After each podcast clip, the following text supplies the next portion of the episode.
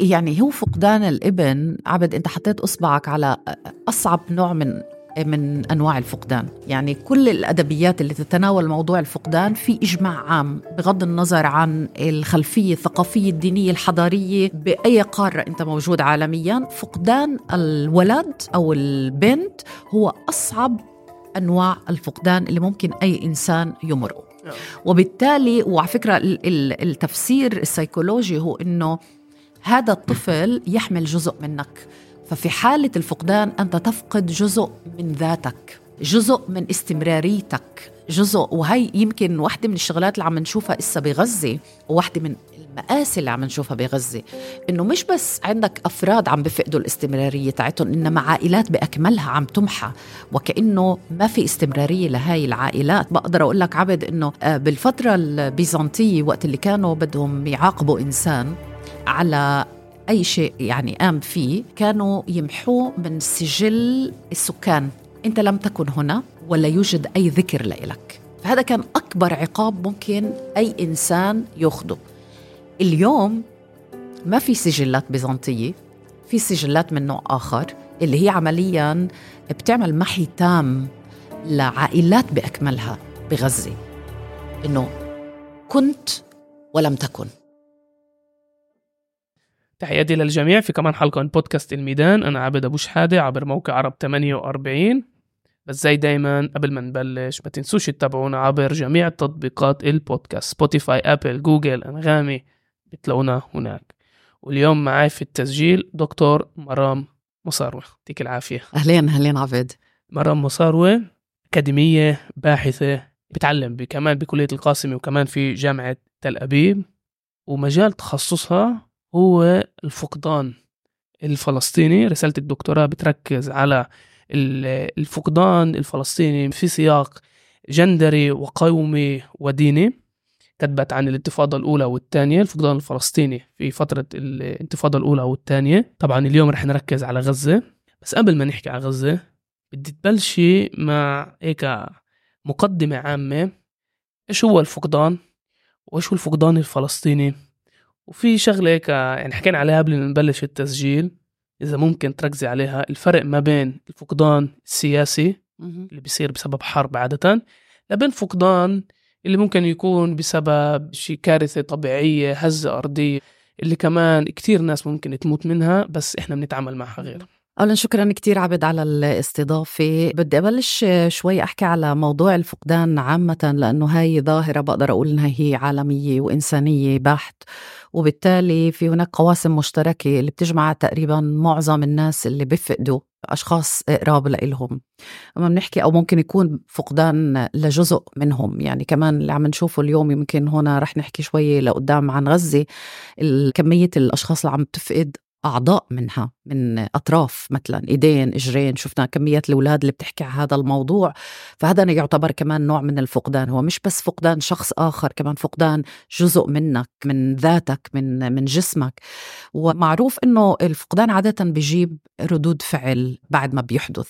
وغالبا بتعلق في يعني بنوع الفقدان وبتعلق كمان بالفترة الزمنية اللي أنت بتكون موجود فيها كإنسان اللي بتعيش حالة الفقدان هاي. وكيف أثر الفقدان عليك؟ لأنه كل شخص بنهاية الأمر يتعامل مع الفقدان بطريقة مغايرة للشخص الآخر. أي نعم وصحيح في عنا حسب معظم الأبحاث والنظريات العلمية بقدر أقول قواسم إنسانية مشتركة ومراحل مشتركة.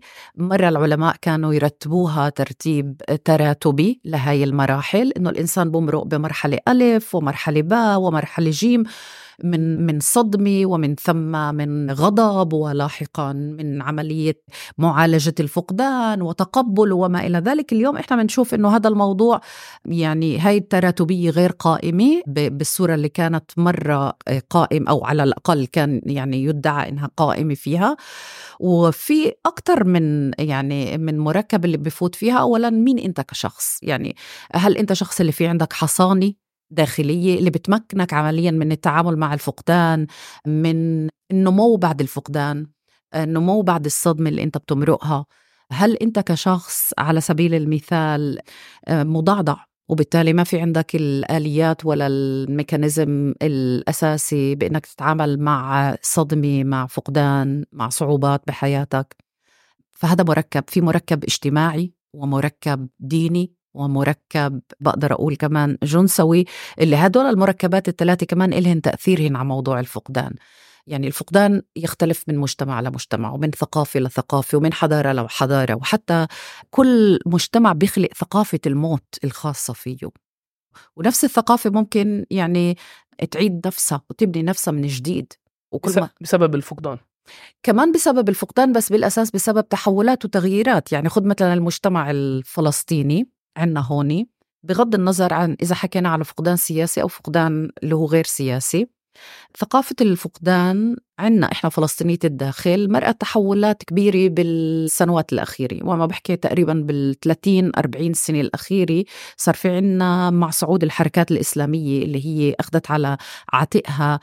هندسة الموت داخل المجتمع الفلسطيني بالداخل خصوصا أنه رجال الدين عادة هن بياخذوا دور كتير مركزي في موضوع الموت كونهم المسؤولين عن موضوع الصلاة على الميت سواء بالدين المسيحي أو الإسلامي أو عند الدروز قضية التعامل مع الجثة قضية القبر وما إلى ذلك. فيعني هاي الأشخاص في إلها قوة. في في لها تأثير وفي لها قوة وفي لها تأثير على ثقافة الموت. فإذا أنا مثلا باخذ تجربتي كطفلة مع الموت في مجتمعنا الفلسطيني النساء كانوا يشاركوا بالجنازة اليوم في فيش نساء بتشارك بالجنازة. وأنا بحكي سواء أنت كنت امرأة مسيحية ولا مسلمة ما في مشاركة للجنازة. وهذا تحول يعني كبير جدا اللي ترك أثره على ثقافة الموت المحلية بال 30 سنة الأخيرة مع صعود الحركات الإسلامية. صار في منع للنساء بحجة إنه النساء عاطفيات وبالتالي ردود فعلهن مبالغ فيها أثناء الجنازة وصار في عملية إقصاء للنساء من الجنازة من المساحة العامة من قضية المشاركة في جنازة الميت. كان مثلا بدي أعطي مثال قضية التنويح أو الغناء على الميت والرقص على الميت اللي هي كانت دارجة بالثقافة المحلية.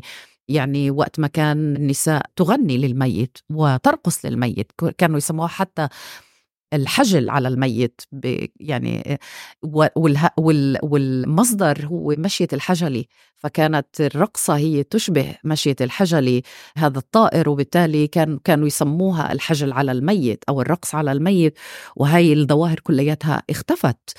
مع صعود الحركات الإسلامية. فإحنا نرى أنه للدين لل... لل... للثقافة المجتمعية في تأثير على ثقافة الموت وبناء ثقافة الموت وإعادة بنائها من جديد لأنه القضية قضية ديناميكية وبتتغير كل الوقت. فما في شك إنه هذا كلياته له أبعاده. هلأ بدي أرجع أكثر وأحكي على على الفقدان لأنك أنت سألتني عنه بشكل عام. بس قبل عشان اللي بتحكيه جدا مهم إن يعني بالآخر يعني بين إذا كان في رقص أو بين إذا كان في هندسة الحركات الإسلامية للموت يعني بفهم منك إنه يعني الهدف الاجتماعي إنه تعطينا الأدوات إنه كيف نتعامل مع الموت ونتقبله إنه كجزء من مسار حياتنا حتى لو إنه ما كانش فقدان على أثر سياسي إنه ناس توفت إنه هاي ال mechanisms إنه إحنا نعرف كيف نتقبل الموت يعني هو يعني أنا ما بقدر أقول إنه الحركات هاي أو التحولات اللي صارت داخل المجتمع أعطت الناس أدوات أو آليات لتقبل الموت اللي ما كان موجود عندها سابقا okay. أنا بفكر إنه هي يعني سيطرة بنهاية الأمر على سيطرة على الأحياء بكيف يتعاملوا مع الموت أكثر بكتير من على الموت نفسه لأنه الموت ما في ما في سيطرة عليه. وبنهاية الأمر أنت ما بتقدر تحدد السيرورة اللي الفرد بده يمرقها لأنه هاي هي مركبات إنسانية بحت اللي هي بترجع لكل شخص وشخص وكيف الناس بتتعامل مع هذا الموضوع. حتى لو نقول رجال الدين أو غيرهم فاتوا أعطوا الموعظة تاعتهم داخل بيوت الأجر اللي هي صارت يعني صار طقس اليوم كتير مقبول إنه تفوت واعظة أو واعظ ويتحدث عن الحياة والموت والآخرة وما إلى ذلك. يعني أنا لا أرى أنه بنهاية الأمر هدول الأشخاص عم بيعطوا أدوات حقيقية للناس بالتعامل مع الموت إنما هي يعني جزء من الثقافة العامة اللي تفرضها هاي الحركات على على الأشخاص. وبقدر أقول إنه هي قد تساعد البعض وقد تكون عثرة في في عالم الآخرين يعني في في عالم أشخاص آخرين. الامر بما إنه كمان يعني هو جزء من التقاطعات اللي بتحكي عنها إنه الفرق ما بين كيف الإسلام بتتقبل الفقدان كيف النساء بتتقبل الفقدان هل في فرق؟ هل يعني كمان يعني مين بيحكي على الفقدان أكثر الرجال ولا النساء؟ يعني الأبحاث طبعا بتبين إنه في فرق كبير بين الرجال والنساء في التعامل مع مع الفقدان. بشكل عام الرجال في عندهم دور أكثر فاعل ديناميكي في الموت يعني هم عادة بيكونوا يا رجال دين يا إما ناس اللي هي يعني موجودة في في المستشفيات وبتاخذ على مسؤوليتها معالجة قضية الجثة وما إلى ذلك. في دور أكثر فاعل اللي باخده الرجل. ردود الفعل بقدر أقول متشابهة. طريقة التعامل مختلفة. يعني. إذا بناخذ مثلا على سبيل المثال ذكور وإناث اللي تعاملوا مع موضوع الفقدان بنشوف إنه عند الطرفين ممكن يكون نقول ردود فعل مثل حالة كآبة مثل ردود فعل psychosomatic نقول syndromes اللي هي أكثر تفاعلات جسدية نفسية مع حالة الفقدان. ممكن على سبيل المثال الطرفين يشعروا إنه الحياة ما إلها فقدت المعنى تاعها إنه الوقت هو مش عنصر مساعد زي كيف كان دايما مقبول الناس تفكر وما إلى ذلك. ولكن الطريقة اللي بتتعامل معها النساء مع الفقدان مقارنة بالرجال مختلفة. يعني على سبيل المثال الأبحاث بتبين أنه النساء يتحدثوا عن الموت أكثر بعبروا عن مشاعرهن أكثر كون المجتمعات بشكل عام تتوقع من الرجال إنهم يسيطروا على مشاعرهم ويديروا مشاعرهم وينظموا مشاعرهم أكثر من النساء وما يبينوا مشاعرهم على العلن. ففي شرعية إنه المرأة تبكي الرجل أقل يبكي. في شرعية إنه المرأة ممكن تصرخ الرجل أقل. في شرعية إنه المرأة ممكن إنه تتحدث عن الفقدان تاعها أقل الرجل يتحدث عن الفقدان تاعه. فهاي الفروقات أكتر يعني الجنسوية جزء منها هي يمكن مبنى يعني نقول مرسخ في في طبيعة النفس البشرية وجزء منها هو اجتماعي اللي هو يعني نتيجة جتمعة اللي بمرق فيها الشخص وبتبناها مع الوقت. الأبحاث مثلا بتقول إنه النساء كتير بتفكر تفكير ما ورائيات يعني كل قصة المستزم وكيف المرأة تؤمن بال بالغيب والماورائيات وبأنه ابنها مازال عايش وابنها شهيد وابنها حي ميت. ويأتي بالحلم وتحدث تحدث المعجزات وما إلى ذلك وهذا بنشوفه بشكل كتير واضح عنا بالمجتمع الفلسطيني والمجتمع عادة بقدر أقول المجتمعات العربية عامة شوف هاي الظاهرة كتير واضحة مقارنة بمجتمعات أخرى اللي هي الظاهرة أقل موجودة فيها مثلا؟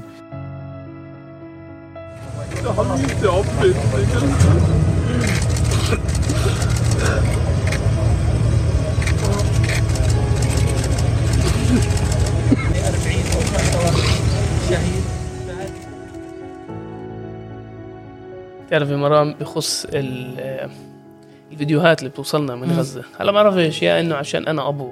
إنه عشان أنا زلمة.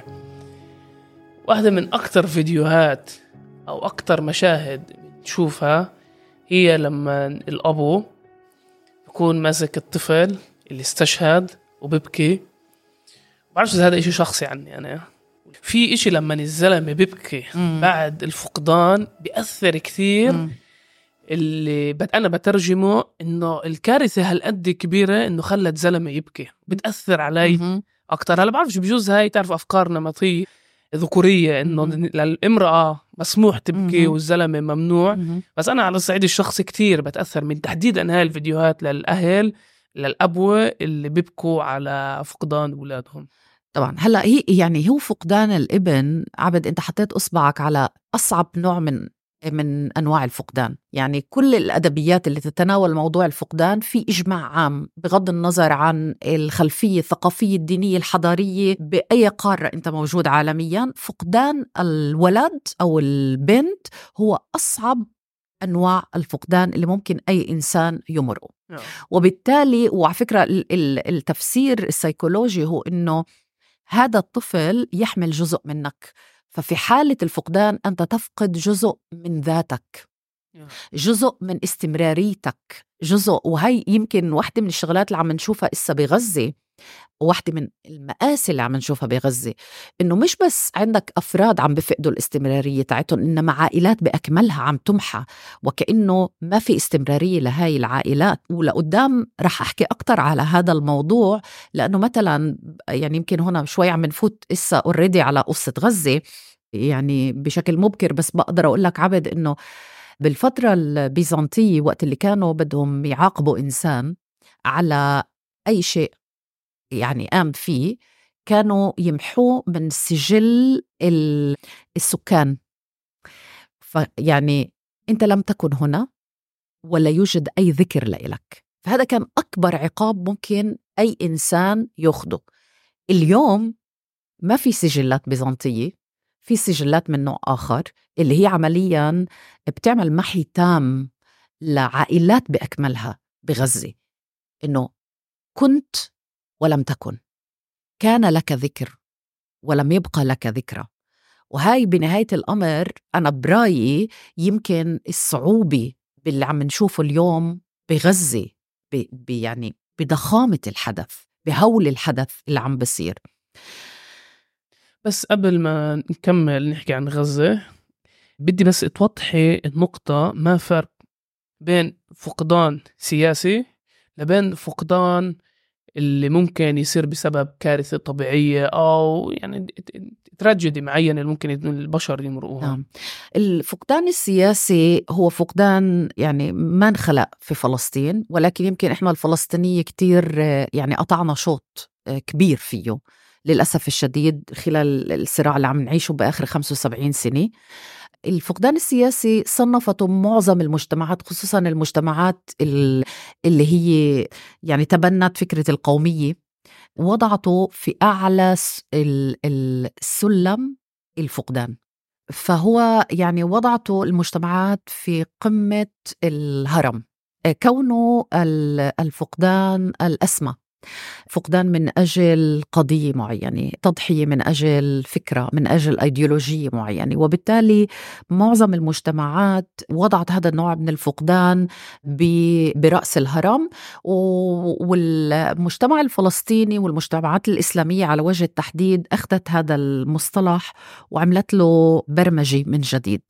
آه، بحيث أنه أخذت مجتمع الهوثيولوجي الديني وحولته لمصطلح مصطلح الشهادة حولته لمصطلح ديني سياسي وأعطت ضخت في داخل المصطلح هذا مفاهيم. من ضمن المفاهيم عمليا هي أنه الفرد يقوم بالتضحية بذاته من أجل الآخرين.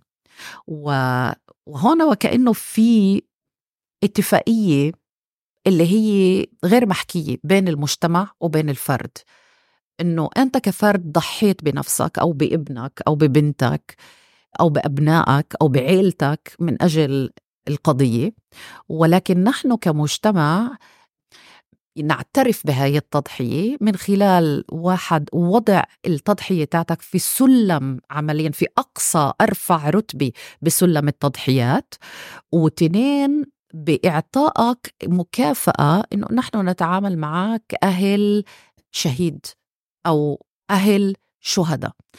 وهذا المصطلح أهالي الشهداء أوكي له مصطلح مرتبط ارتباط مباشر بموضوع الثكل السياسي هو مصطلح اللي عمل تحويل حقيقي بثقافة الموت السياسي في المجتمع الفلسطيني وجعلها في المرتبة الأولى و... وصار مع الوقت إلها معالم. يعني حتى المصطلح هذا هو مرق تحولات من سنوات العشرين اللي كان استخدام أكثر مصطلح الثائر ريفوليوشنري اللي هو كان أكثر كمان مصطلح دارج في. في الفكر القومي الغربي من ثم سنوات نهاية الخمسينيات وبداية الستينيات مع بداية منظمة التحرير الفلسطينية وانطلاقة الثورة الفلسطينية بلش هذا المصطلح يمرق. تسمية مغايرة وصار فدائي وحتى إذا بناخذ مصطلح الفدائي هي من كلمة فداء من قصة الفداء. إبراهيم وقت اللي يعني قدم ابنه أو كان مستعد يضحي بابنه من أجل أيديولوجية فهي الفكرة أصلا مأخوذة من هناك. حتى في قصيدة لمحمود درويش اسمها القربان فبقول تقدم أنت وحدك يعني الكهنة من حولك ينتظروا يعني أنا لا يعني لا أقتبس ال ال ال بيت الشعر بصورة دقيقة ولكن أقتبس الفحوى تاعه أنه أنت يعني تضع نفسك على مذبح الأمة والكهان اللي هن السياسيين هم ينتظرون هاي التضحية. فهذا هذا هذا يعني مضمون بقدر أقول الثكل السياسي. و واللي يعني بحب أقوله إنه المجتمع الفلسطيني لا يختلف عن مجتمعات أخرى يعني من هاي الناحية بحيث إن إحنا بنشوف مثلا الثكل السياسي في أوروبا أيضا وضع في قمة الهرم. في المجتمع مثلا الإسرائيلي هو موجود أيضا في قمة الهرم. لا يمكن مثلا مقارنة موت جندي في أوروبا أو في أمريكا مع موت شخص في حادث طرق. دائما في الهالي في الرومانسية هاي للفقدان للفقدان السياسي. كل الثقافة اللي تطورت حولها البريد العلم إنك أنت تلف جثمان بعلم الأمة إنك تدفنه في جنازة عسكرية إنه في حتى طقوس للجنازة العسكرية. كيف تودع جندي؟ كيف تودع مثلا شهيد في المجتمع الفلسطيني مقارنة بشخص آخر اللي هو مات بحادث طرق أو ممكن يكون غرق أو ممكن يكون مرض وما, وما إلى ذلك؟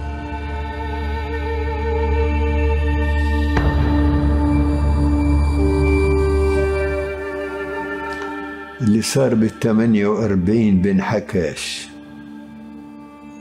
اللي صار بال 48 بنحكاش اللي صار بال 48 بنحكاش إيش ما أحكي كذب. وأنا بحكي اللي شفته. بحكيش اللي سمعته. بحكي اللي شفته. وأنا شفت كتير. 48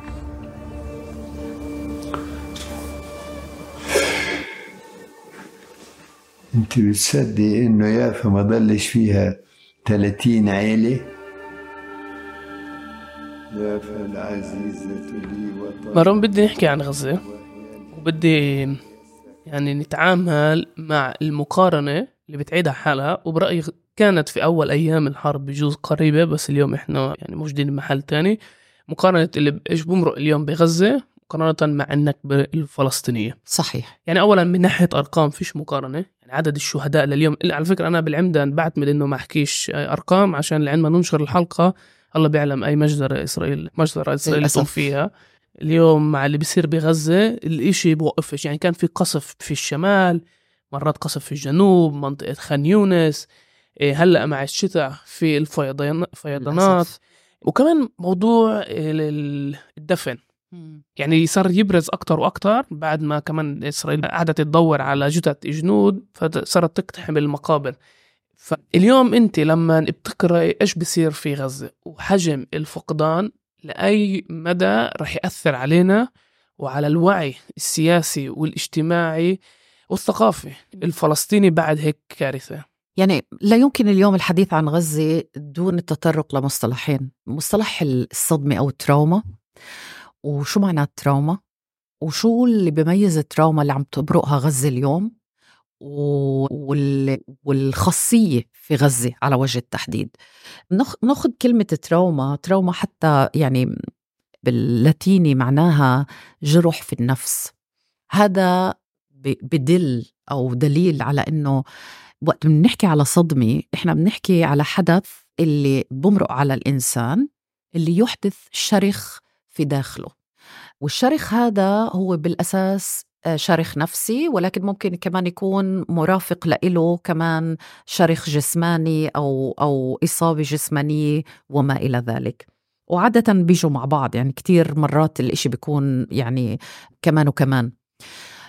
بدي أحكي شغلي إنه المجتمع الغزاوي بجزء كبير منه هو مجتمع لاجئين. وخصوصا أما بنحكي على مخيمات اللاجئين اللي موجودة في غزة هي عبارة عن مجموعات من اللاجئين اللي لجأوا لغزة بال 48 وجزء منهم بال 67 ولكن الغالبية العظمى بال 48 من القرى المجاورة يعني من المركز قرى الساحل ولا جنوبا حتى غزة. بالتالي إحنا بنحكي على أشخاص اللي هم يحملوا نكبة. ويحملوا صدمة بداخلهم التراوما. اللي هاي التراوما بسموها باليوم بعلم الاجتماع النفسي التراوما العنيدة stubborn trauma. اللي بيميز هاي التراوما هي إنها تراوما المستمرة. يعني إذا إحنا بنحكي على غزة من ال 48 لليوم هي عبارة عن نكبات مستمرة. بدأت بال 48 ولكن كل كم من سنة في عنا نكبة أخرى ونكبة أخرى ونكبة أخرى ونكبة أخرى وبالتالي في عملية تحفيز للتراوما هاي للصدمة اللي موجودة داخل الأفراد في غزة بشكل مستمر. فهي قضية وبدنا ناخذ بعين الاعتبار الحروبات المتتالية اللي مرأتها غزة بالسنوات الأخيرة بآخر عشرين سنة اللي هي أيضا أضافت كم هائل من ال ال يعني من الدرجات للتراوما هاي وأجينا صادفنا إيش اللي بنسميه ماس تراوما اللي هي التراوما اللي هي أكتر شاملة وواسعة وبالتالي هذا النوع من التراوما يحدث يعني فقط في الحروبات الكبيرة بهاي الصورة بهذا الزخم بهذا العدد من الف من من الفقدان بالبشاعة بال يعني بقدر أقول مخرجات ال trauma هاي هي حقيقة من أصعب التجارب الإنسانية اللي ممكن أي شعب يمرقها. بالتالي أما إحنا من نتعامل مع الواقع الفقداني في غزة إحنا بنشوف إنه ال trauma ال mass trauma هاي ال trauma الشاملة الواسعة الكبيرة اللي بنحكي عنها اليوم هي أصلا قاعدة على تراوما اللي هي تراوما عنيدة اللي صار لها سنوات موجودة في غزة. وبالتالي يعني في هون السؤال الكبير اللي بيطرح نفسه كيف ممكن شعب يقدر يطلع من واقع من هالنوع؟ هلأ في عدة تصورات عبد.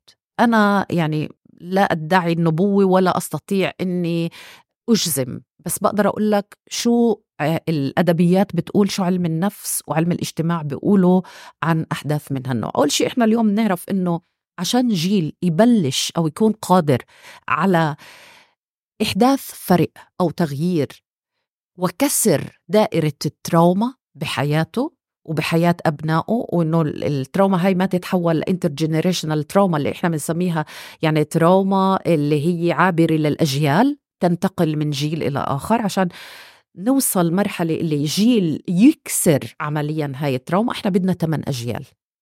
ثمان أجيال على الأقل okay؟ يعني يعني 200 سنة إذا يعني كل جيل 25 سنة. بالضبط. خد بعين الاعتبار إنه إحنا بنحكي على trauma okay؟ اللي هي يعني ب... نقول مستوى ال 48 أما إحنا بنحكي على trauma بقساوة التراوما اللي عم بمرقوها أهل غزة ببشاعة الصدمة ببشاعة الفقدان اللي عم بمرقوه أهل غزة. يعني ما في شك إنه إحنا بنحكي على سيرورة مرضية. أولا نتيجة ال... الواقع المرير. تنين نتيجة إنه الناس غالبا يعني أنت سألتني شو الفرق بين مثلا فقدان في الانتفاضة الثانية واللي بغزة. بالانتفاضة الثانية كان في عنا عدد شهداء بس ما كان بهذا الكم ما كان بهذا العدد الرهيب. ما كان في مستوى إنه باليوم في عندك 150 فرد. لا ولما 70% أطفال ونساء. لا أما 70% أطفال ونساء. بالتالي كان في دعم اجتماعي. اليوم أنت بغزة كل المجتمع. كل المجتمع منكوب. ما في دعم وحتى إذا فيه هو بده يكون هنا يعني دعم اللي هو وأنا أنا أكيد إنه في أشخاص اللي تعطي من نفسها وطواقم طبية وناس عاديين اللي فتحت بيوتها وفتحت جيابها وإلى آخره للناس منكوبين آخرين. ولكن أما أنا بطلع على كمية الدعم اللي غزة بحاجة لإلها مقارنة نقول بالانتفاضة الثانية اللي يمكن المقارنة. ففي نوع من الوحدة في دائرة الفقدان. اللي بظروف أخرى أنت عادة ما بتشوف هاي الوحدة بالعكس عم بتشوف تكاتف اجتماعي أو مجتمعي اللي هو كبير من أجل يعني دعم هاي العائلات. فهنا يعني أنت بتحكي على عملية صراع بقاء بالمستويات الأساسية جدا جدا لهذا الموضوع. تنين وهي نقطة مهمة.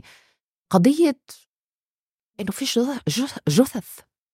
يعني جزء من عملية ال ال التعامل مع الفقدان السليمة هي إكرام الميت دفنه إنه ادفنوا قد ما أسرع.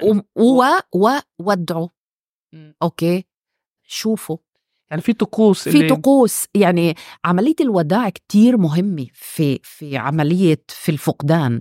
إنك تكون إنك تشوف الجنازة إنك تشوف إنه ابنك انقبر بصورة كريمة أو بطريقة كريمة. وين مدفون؟ وين مدفون؟ تعرف وين مدفون. إحنا اليوم عم نشاهد أشخاص يعني يمكن أكثر منظر أنا لا أستطيع إني أخرجه من راسي.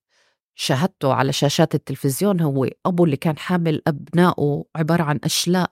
نعم. من اللحم موجودة في أكياس وكان يصرخ ويقول أولادي موجودين بالأكياس. أوكي؟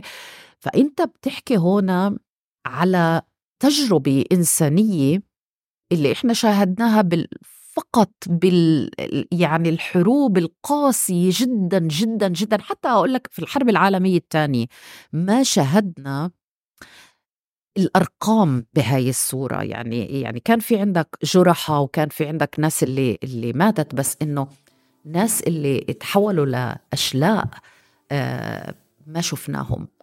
غزة تحولت لساحة لتجربة أسلحة آه اللي وكأنه كان في تفنن باستخدام السلاح في غزة.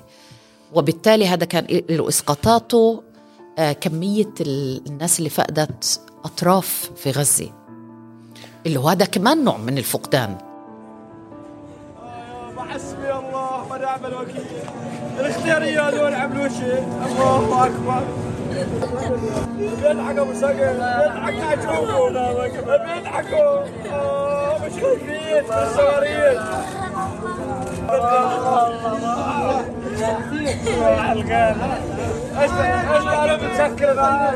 أجاك شهيد يا بكرم أجاك ابنك شهيد يا بكرم الله يرحمك. ابدا فمرام يعني أنا بس هيك ألخص اللي حكيتيه هلأ. أول شيء قلتي لي أصعب نوع فقدان هي فقدان الولد أو البنت. هذا يعني إذا في هرم هذا في صحيح. أول سلم الهرم. بعدين في كل موضوع هاي المقارنة مع الانتفاضة الثانية الدعم الجماعي. إذا في حدا يعني ابنه استشهد أو بنته أو إيش مكان إنه في مجتمع كامل اللي بيحتوي بغزة الكل عنده حدا في العيلة أو قرايب أو أصدقاء أو حالة معينة اللي فقدوها بسبب الحرب ففيش الدعم. الشغلة الثالثة الدفن. إنه قديش مهم ندفن ونمرق هاي الطقوس عشان الحالة النفسية. وكل هاي الأشياء اللي ذكرناها مش موجودة بغزة. صحيح. يعني فيش الدعم فيش يعني ذكرت الأشلال يعني فيش الجته نفسها فيش و- حتى حتى اما أنت بتعرف وين ابنك أنت بتعرف إنه هو مثلا موجود بقبر جماعي وبالتالي ما في عندك حتى الخاصية هاي إنه يكون في عندك الطقس الخاص فيك كفرد اللي فقد مش موجودة ما عندك ال privilege هذا. والجيش الإسرائيلي بيفتح القبور هاي كل اثنين وخميس يدور على للأسف. جثث يعني كم. بزيد عليه وكل هذا طبعاً. كل اللي ذكرته وغير طبعا سرقة الأعضاء اللي هذا كمان موضوع اللي هو يعني قائم بحد ذاته كمان اللي بنضيفه على الموضوع فطبعا وبدي أضيف على كل هذا بناء على اللي أنت ذكرتيه إنه مبني على فقدان وكارثة وتراوما جيل على جيل من ال 48 لليوم صحيح وكل اللي ذكرناه هلا تحت القصف والمجاعة وفيش مي وفيضانات. والبرد والشتاء وال... وال... والجوع طبعا اللي ذكرته و... بالتأكيد بالتأكيد. What's next يعني؟ إيش بعده؟ يعني إيش راح يصير؟ إيش كيف يعني أهالينا في غزة؟ يعني هيك مأساة ممكن يكون في إعادة بناء للمجتمع. وفي كمان شغلة ما حكيناش عليها بحب إذا في إمكانية تطرقيلها يعني بالآخر في يعني باعتقادي في أهمية للبيت. يعني مهم. okay حتى إذا حدا فقد إنسان إنه لازم يرجع على البيت. بس هلأ كمان فيش بيت صحيح. يرجع له. صحيح صحيح. طب وين هذا بحط؟ يعني بقدر أقول لك إنه أما بنحكي إحنا على تروما بهاي ال... بهاي المستويات أكثر إشي بيميز الأشخاص هي ردود فعل اللي ممكن تكون إحنا بنسميها ردود فعل مرضية pathological reactions لل... لل... للتروما. والردود الفعل المرضية عادة بتكون وقت ما الفرد ما بيكون قادر على إنه يمرق سيرورة سليمة. أنا بحكي على سيرورة بالفقدان ب... بالوداع أو بالحداد الناس ما عندها وقت تحد.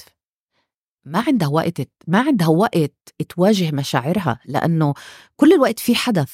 يعني إحنا بنحكي على على trauma مستمرة.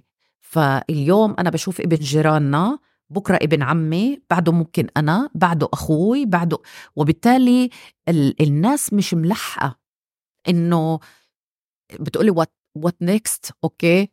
آه يعني هاي وحدة من ال... من الأسئلة المركزية إنه أعتقد إنه كل فرد في غزة بيسأل حاله هذا السؤال يوميا.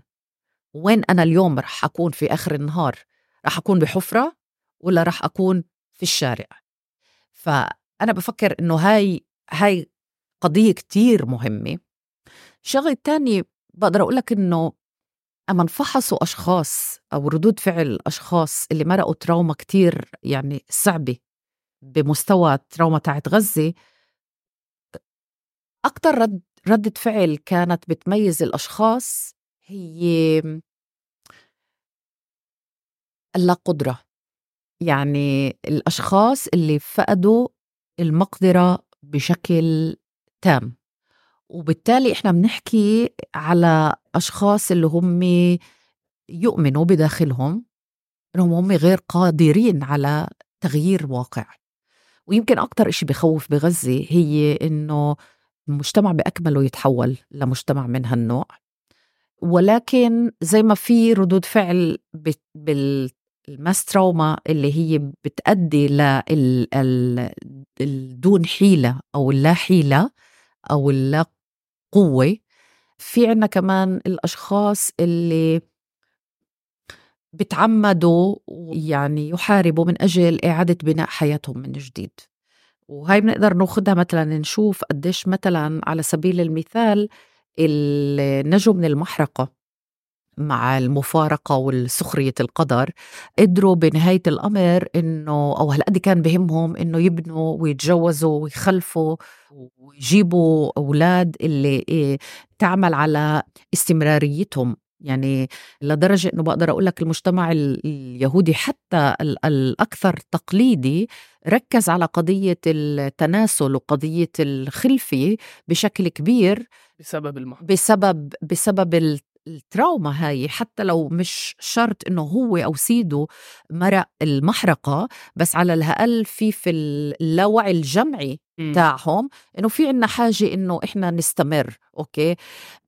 فبالتأكيد يعني هاي ممكن تكون ردود فعل للمجتمع الغزاوي. إحنا ما زلنا موجودين في خضم التجربة وما بنعرف لوين هاي التجربة ولوين رح تستمر معنا للأسف الشديد. بس إحنا موجودين في تراوما وتراوما كبيرة جدا. مرام قبل ما ننهي سؤال خص التكنولوجيا تليجرام واتساب تيك توك كل الفيديوهات هاي اللي انتشرت من أول يوم للحرب كيف راح تأثر علينا؟ وإيش تداعياتها؟ مش بس على الناس الموجودة بغزة كل الشعب الفلسطيني. عشان أنت هلا ذكرتي يعني كيف المجتمع اليهودي كله متأثر حتى لو فيش عندهم صحيح. حدا اللي. فقدوه في في المحرقة. كيف راح تأثر علينا كلنا بسبب إنه كنا شفنا هذه الحرب لايف أول بأول؟ يعني أنا بفكر يمكن واحدة من ال- تداعيات الحرب الكبيرة على غزة هي مرتبطة ارتباط كبير أو ارتباط شديد بأنه هي كانت من الحروب القليلة بالعالم اللي يوميا إحنا تقريبا بنعرف شو عم بصير بكل حي من أحياء غزة. نظرا للتكنولوجيا المتطورة اللي هي أصلا عم بتدير الحرب من جهة ومن جهة عمالة بت بتعملنا عملية تقرير من أرض المعركة. هذا بحولنا كلياتنا بشي مرحلة لشهاد. يعني إنت شاهد عصر على معركة على حرب ويعني ممكن كمان في ناس اللي بتفوت أكتر بالتفاصيل في ناس أقل بالتفاصيل ولكن أنت عارف تفاصيل عارف اربكات هذه هاي الحرب عارف صعوباتها عارف تحدياتها عارف جرائمها قادر يعني تسمع القصص يوميا تشوف عويل وبكاء الأطفال والنساء والرجال ومن جهة ومن جهة أخرى أنت ما عندك إمكانية على أنه تؤثر ولو أو تحرك ولو القليل القليل القليل في حياة هؤلاء الأفراد. هذا بحد ذاته يضعك كإنسان في ضائق يعني أنا بقدر أقول لك إنه مش بس المجتمع الفلسطيني بأكمله اللي هو أصلا يعني أما أنت بتاخدنا إحنا فلسطينية ال 48 أصلا إحنا طالعين من تروما ومن ضائقة لفقدان من نوع آخر. يعني لعند بداية الحرب إحنا كنا يوميا يوميا عم نسمع عن قتيل لاثنين لثلاثة بالمدة الأخيرة صرنا ناخذهم كمان برزم للأسف الشديد. فإحنا أصلا عمالين نستفيق من ال- الضائقة ومن التراوما اللي إحنا مارقينها كمجتمع لنشاهد تراوما من نوع آخر. وإحنا أصلا جزء منا حامل ال 48 على ظهره. وعم بمرق بمرق هاي ال- التجربة والصدمة من جيل لجيل. فبالتالي إحنا بنحكي على واقع غير محتمل. Unbearable reality. وإذا أنت ما في عندك بنهاية الأمر الأدوات والوعي الكامل إنه تقدر تتعامل مع هذه التراوما اللي أنت شاهد عيان عليها بحيث إنه تاخذ التراوما وتقرر إنه أنا بدي أنمو. من هاي التراوما لأنه الأدبيات مش بس بتحكي على الحالات المرضية من التراوما الأدبيات كمان بتقول إنه أنت أحيانا كفرد تستطيع أنه تبني حالك من جديد وتنتعش وتزدهر بعد تراوما معينة. بس عشان تقدر تعمل وتقدر تعمل هاي عملية التحول من إلى أنت بحاجة أولا لدعم جمعي بحاجة لعملية توعية بحاجة لمعالجة. أنا بحكي معالجة بم- مش بمفهوم علاجي إنما بمفهوم بروسيسنج يعني أكتر عملية هضم لل... للواقع تاعنا وفهم الواقع هذا للعمق.